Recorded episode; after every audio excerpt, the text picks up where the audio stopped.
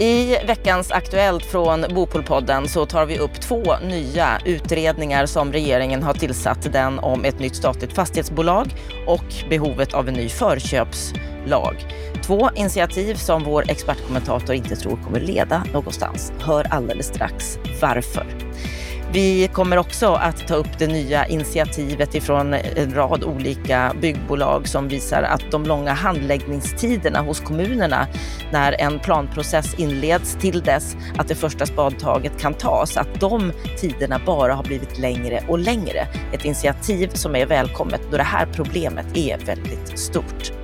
Och så ser vi SBABs nya siffror om överskott i nyproduktion av hyresrätter. Det här visar på ett problem som har varit känt länge, menar vår expertkommentator. Och han välkomnar också initiativet från Hyresgästföreningen som har granskat de olika partierna och hur de ser på olika bostadspolitiska frågor. Däremot så kommer ni att få en betydligt längre analys av den här nya rapporten lite senare. Varmt välkommen till veckans Aktuellt med det senaste som har hänt inom bostads och fastighetspolitiken. Jag heter Anna Bellman.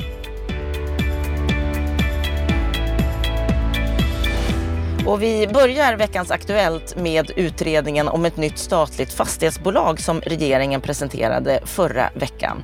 Det är näringsminister Karl-Petter Thorwaldsson som menar att ett nytt statligt fastighetsbolag skulle kunna förebygga och minska segregationen. Och det här är alltså en fråga som det nu har tillsatts en utredning om, men den får en del kritik ifrån branschhåll. Bland annat så säger Anders Holmestig på Fastighetsägarna så här till TT att spontant har jag väldigt svårt att se vad man skulle kunna bidra med. Ja, Lennart Weiss, vad säger du om det här förslaget om ett statligt fastighetsbolag? Ja, låt oss först notera några saker i form här. Det är alltså inte bostadsministern som kommer med det här förslaget, utan det är näringsministern. Och det är logiskt på det sättet att han är ansvarig för den statliga bolagsvärlden men han har ju ingen som helst koppling till bostadsfrågorna överhuvudtaget. Men då ska man komma ihåg att han har varit LO-ordförande och LO presenterade ett bostadspolitiskt program för ett par år sedan där idén om ett statligt byggbolag fanns med. Det är också ett förslag som Byggnads har drivit i olika sammanhang och också eh, den socialdemokratiska föreningen Reformisterna som backas upp av tankesmedjan Katalys. Jag har ställt frågor i olika sammanhang vad man menar med statligt byggbolag och, och länge var det nog oklart om man menade entreprenadbolag eller projektutvecklingsbolag eller fastighetsbolag. Nu har vi i varje fall ett svar. Man, man, man talar om ett fastighetsbolag som ska vara komplement till allmännyttan med argumentet att ibland räcker inte de kommunala musklerna till. Ja, då måste vi reda ut ett par saker. Vem är det som finansierar allmännyttan? Det är faktiskt inte kommunerna mer än som eget kapital. Det är hyresgästerna som finansierar sina bolag. Så att om man upplever att de eh, så att säga med hyror inte klarar av att, att finansiera verksamheten och framförallt att gå utanför det, det huvuduppdraget och även finansiera sociala ändamål utav olika slag, då får man väl förstärka allmännyttan då i så fall. Det är ju mer logiskt och, och det är nog så Anders Nordstrand tänker också när han så att säga eh, uttrycker sig svalt om det här förslaget. Eh, jag observerar också att eh, Torvaldsson säger att det här bolaget ska verka på marknadsmässiga villkor. Ja, men om det ska verka på marknadsmässiga villkor, då kommer det här bolaget ha samma finansiella förutsättningar som allmännyttan. Och tvärtom kommer vi staten behöva ösa in mer eget kapital eftersom det inte finns i startskedet något hyresgäst, eh, så att säga, eh, några hyresgästintäkter. Jag tycker att det här är synnerligen ogenomtänkt. Jag förstår inte vad man vill åstadkomma med det här och det finns så många andra andra idéer man skulle kunna eh, tillämpa. Till exempel så har vi det här med BID, Business Improvement District, som tillämpas framgångsrikt på flera ställen i landet och växer som ett frivilligt sätt för lokal samverkan.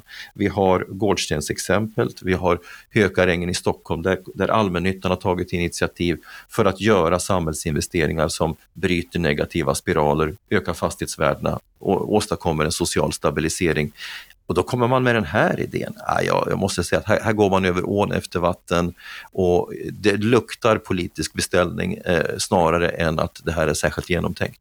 Så du tror inte att det kommer att eh, leda till någonting? Nej, det tror jag inte. Eh, skulle det bli en borgerlig regering så kommer man att lägga ner den här utredningen det första man gör. Men även, jag har väldigt svårt att tro att man skulle kunna lotsa ett sånt här förslag genom en riksdag där Socialdemokraterna behöver ha stöd av ett eller flera borgerliga partier.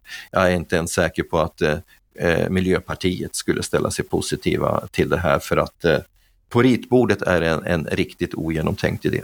Ja, du var förvånad över att det var näringsministern som förde fram den här frågan. En fråga som bostadsministern Johan Danielsson faktiskt förde fram förra veckan, samma dag. Det var en annan utredning, nämligen behovet av en ny förköpslag. Han menar att det har förstärkts under de senaste åren, att kommuner behöver få fler verktyg för att kunna bedriva en effektiv markpolitik och möta det omfattande behovet av nya bostäder. Han säger bland annat så här att vi vill ge kommuner bättre förutsättningar att stå rustade inför de samhällsutmaningar som finns, som att bygga segregationen. Och att kommuners markinnehav och möjlighet att kunna öka sitt markinnehav är ett viktigt verktyg för att de ska kunna göra det. Vad säger du om det här förslaget med en ny förköpslag? Ja, vare sig eh, kategoriskt negativ eller särskilt entusiastisk. Det är klart som sjutton att, att kommuner som vill bygga, för kommuner som vill bygga är ju så att säga redskap som, som möjliggör en offensiv markpolitik viktigt. Men problemet handlar ju om kommuner som inte vill bygga, som alltså har avhänt sig kommunala bolag, som har sålt sin mark eh, och de blir ju inte hjälpta av en sån här lagstiftning för de kommer inte tillämpa den ändå. Om man ska balansera resonemanget om kommuner som har sålt tillgångar så kan man i och för sig säga att det finns kommuner som äger lite mark men som har fart på byggandet ändå tack vare att de har tillsatt resurser för, för, för eh, eh hantering av bygglov, bygglov och, och eh, detaljplaner och så. Nacka är ett sådant exempel.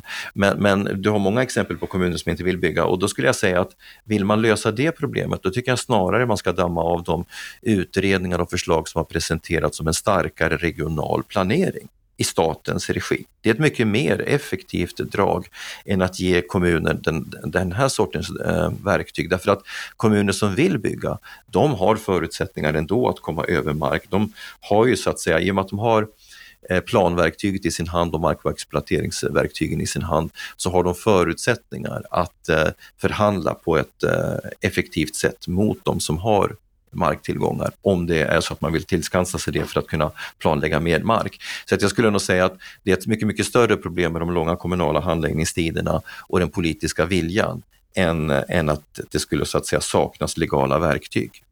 Och om man tittar på vad ett förköp innebär, så vad jag förstår så, så vill man att kommuner ska kunna förköpa fastigheter för vissa ändamål. Vad skulle bli annorlunda med en sån här lag? Ja, jag har svårt att se därför att eh, kommunerna kan köpa fastigheter redan idag. Eh, och gör ju det faktiskt. Så att eh, då skulle de i så fall förköpa en fastighet som då var på väg att ombildas från hyresrätt till bostadsrätt. Eh, men, men det skapar ju inte fler bostäder utan det gör bara att de får en annan upplåtelseform. Så att, eh, nej, om, om det här ska ha någon effekt så handlar det om att, att köpa mark som någon privat fastighetsägare av något skäl inte vill exploatera. Men eh, det är nog inte där huvudproblemet sitter, utan det sitter mer i politisk vilja och det är det problemet som man borde våga adressera i så fall. Ja, det var två initiativ från regeringen som Lennart Weiss inte tror kommer att medföra någonting. Men då ska vi gå vidare till ett tredje initiativ från fem olika byggbolag. Det är Aros Bostad, Skanska Sverige, det är K-fastigheter, Riksbyggen och JM som har gått ihop i initiativet Bygg i tid.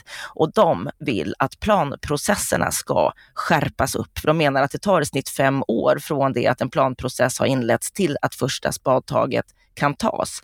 Att kommunernas handläggningstider har blivit allt längre och allt mer oförutsägbara. Det har kommit en replik på detta i veckan och där menar arkitekten Kristina Berglund att problemet det är att nybyggnation, när den planeras, så är det bristen på tydliga kommunala riktlinjer. Att lagens möjligheter till planering utifrån en helhetssyn inte utnyttjas. Ja, Lennart Weiss, med den här långa inledningen, vad, vad, vad säger du om det här initiativet? Ja, först eh, Kristina eh, Berglunds invändning har jag eh, svårt att förstå som sin helhet därför att hon, hon hävdar att, att ett problem är att eh, när olika initiativ tas så har så att säga en massa beslut fattats i slutna rum, det vill säga exploatören har ritat upp ett projekt eh, som i sin tur gör att det krävs omtag det är i allt väsentligt en felaktig beskrivning utav Kristina Berglund.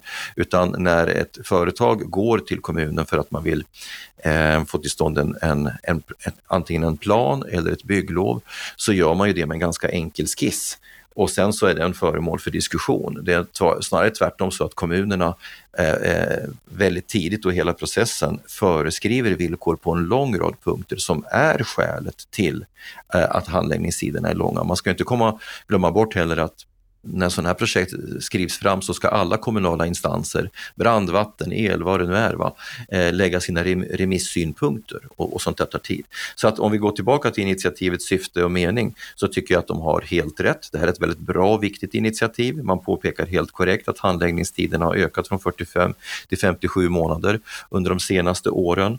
Eh, och Eh, det här är ett stort problem därför att det innebär att projekten binder kapital och den kapitalbindningen läggs som en kostnad på projekten, vilket äter upp effekten av andra politiska initiativ. Nancy Mattsson har själv räknat på, på Eh, hur handläggningstider påverkar kostnaderna och ytterst eh, boendeutgiften i förhållande till startlåneförslaget och konstaterat att långa handläggningstider i den utsträckning som vi talar om idag slår undan fötterna för den effekt som, som startlånen ger. Och då vill jag göra ett påpekande här Anna. Det här problemet som, eh, som eh, eh bygginitiativ det tar, det träffar egentligen ett mycket, mycket större problem som det är dags att vi kom, för, för upp till diskussion i Sverige. Och det är att Sverige håller på att bli ett land med väldigt långa handläggningstider. Det spelar ingen roll om vi pratar om att få ut ett samordningsnummer ifrån Skatteverket, ett A-skatteintyg, eller om det ska dras en, en ny stambana för, för eh, eh tågtrafik, eller dras fram elinfrastruktur för elöverföring, eh, eller om det handlar om, om handläggning av brottmål handläggningstiderna blir längre och längre och längre på alla områden. Och regeringen verkar inte ha förstått att när man tar nya initiativ som till exempel att bygga upp i norr, ja men då måste man förstärka resurserna på domstolarna så att miljöärenden kan hanteras. Eller på andra myndigheter så att de politiska intentionerna kan pressas igenom det administrativa och juridiska systemet. Så att här har vi ett jätteproblem och det som oroar mig är att vi håller på att få en kulturell tillvänjning vid att det ska ta lång tid. Det spelar ingen roll om det är pass eller vad det nu är. Va? Det får ta lång tid i Sverige och folk blir förbannade, det kostar pengar och det gör att hela samhällsmaskineriet börjar hacka. Så det här är ett väldigt, väldigt stort problem som nu adresseras utifrån samhällsbyggnadsperspektivet. Men egentligen är problemet mycket, mycket större och ännu mer generellt. Men bra att det här initiativet har tagits. Men kan det här initiativet leda till någonting?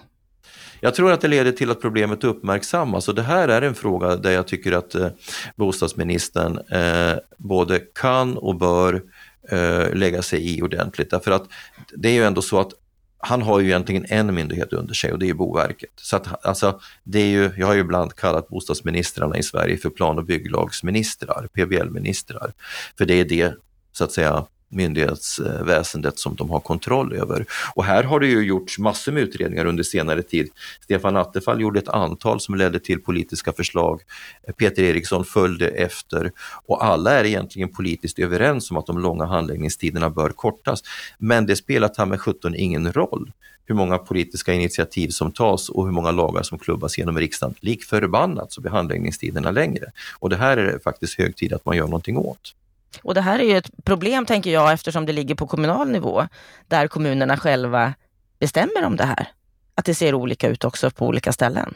Ja, de bestämmer ju så långt som, som eh, så att säga deras egen handläggning har rådighet, men sen finns det ju överklagande instrument då, då där det kan hamna i domstol och de processerna tar ju också väldigt lång tid. Men, men, men eh, det finns ett kommunalt problem och det finns ett statligt problem och summan av det är att vi får kolossalt långa handläggningstider i ett läge när man säger att bygg och planprocesser måste gå snabbare. Det går åt rakt fel håll.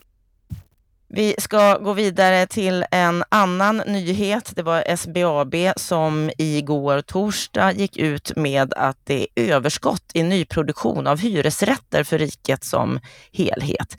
Att för första gången sedan SBAB började följa balansen i nyproduktion av bostäder så finns det nu ett överskott av hyresrätter för Sverige som helhet. Störst är det i Västra Götaland, men även Skåne län visar ett överskott. Och den nedåtgående trenden mot underskott på nyproducerade villor, den har mattats av något på senare tid.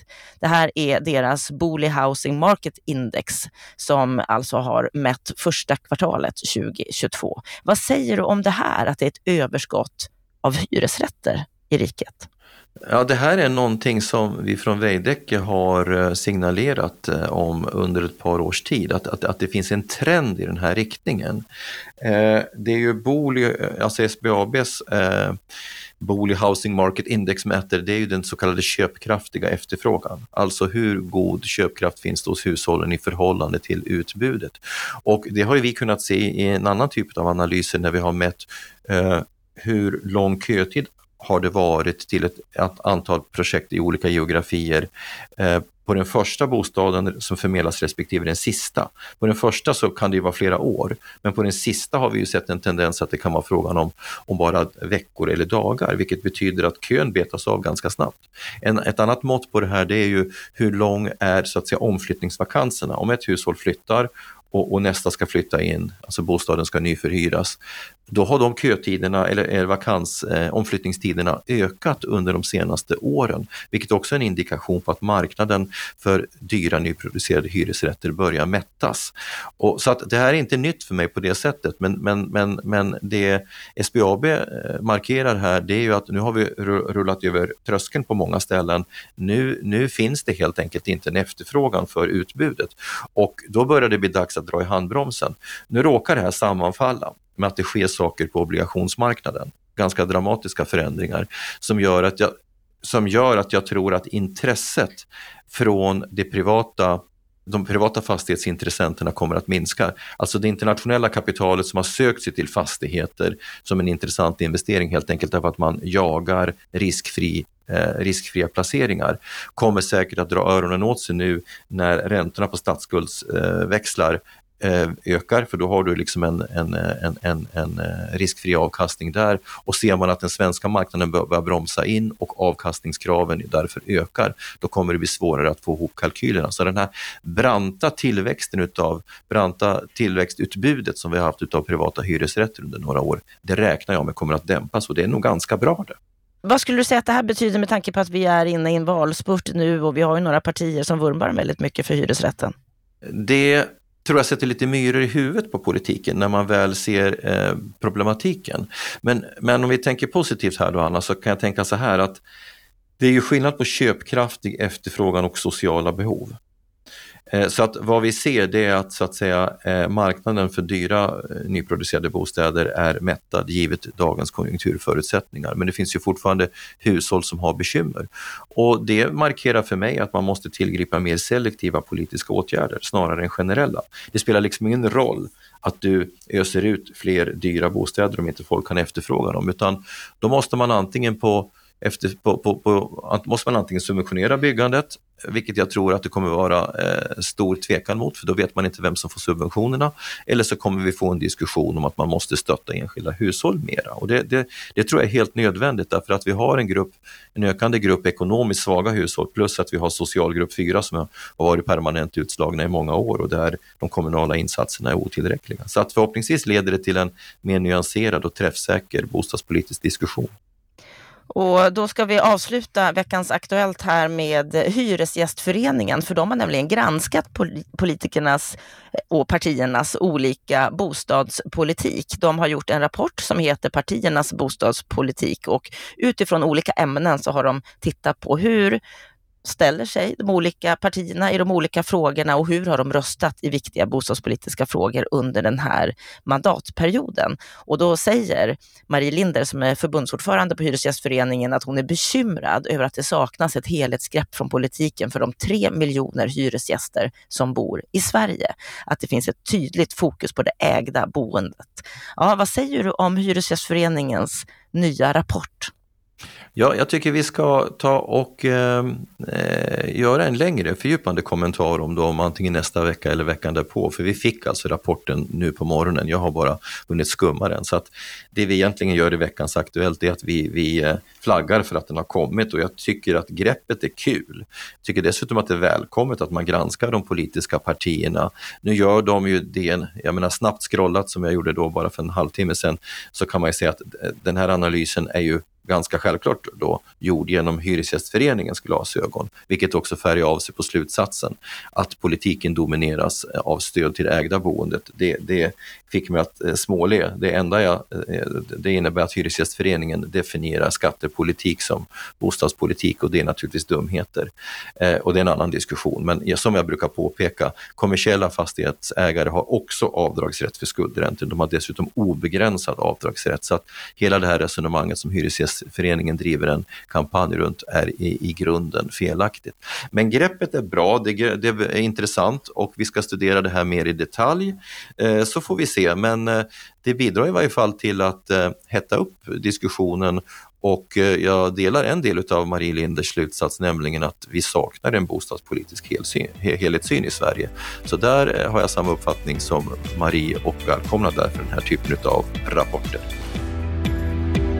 Vi återkommer med Hyresgästföreningens rapport, en fördjupad analys av den. Och vi ska också återkomma redan på måndag, för eh, då ska vi få träffa Mikael Pirosanto på Gårdstens bostäder och diskutera och fördjupa. Vad är det de har gjort bra och gjort rätt att gå ifrån ett särskilt utsatt område till ett utsatt område på polisens lista? Lyssna in på måndag och fram till dess, ha en riktigt trevlig helg.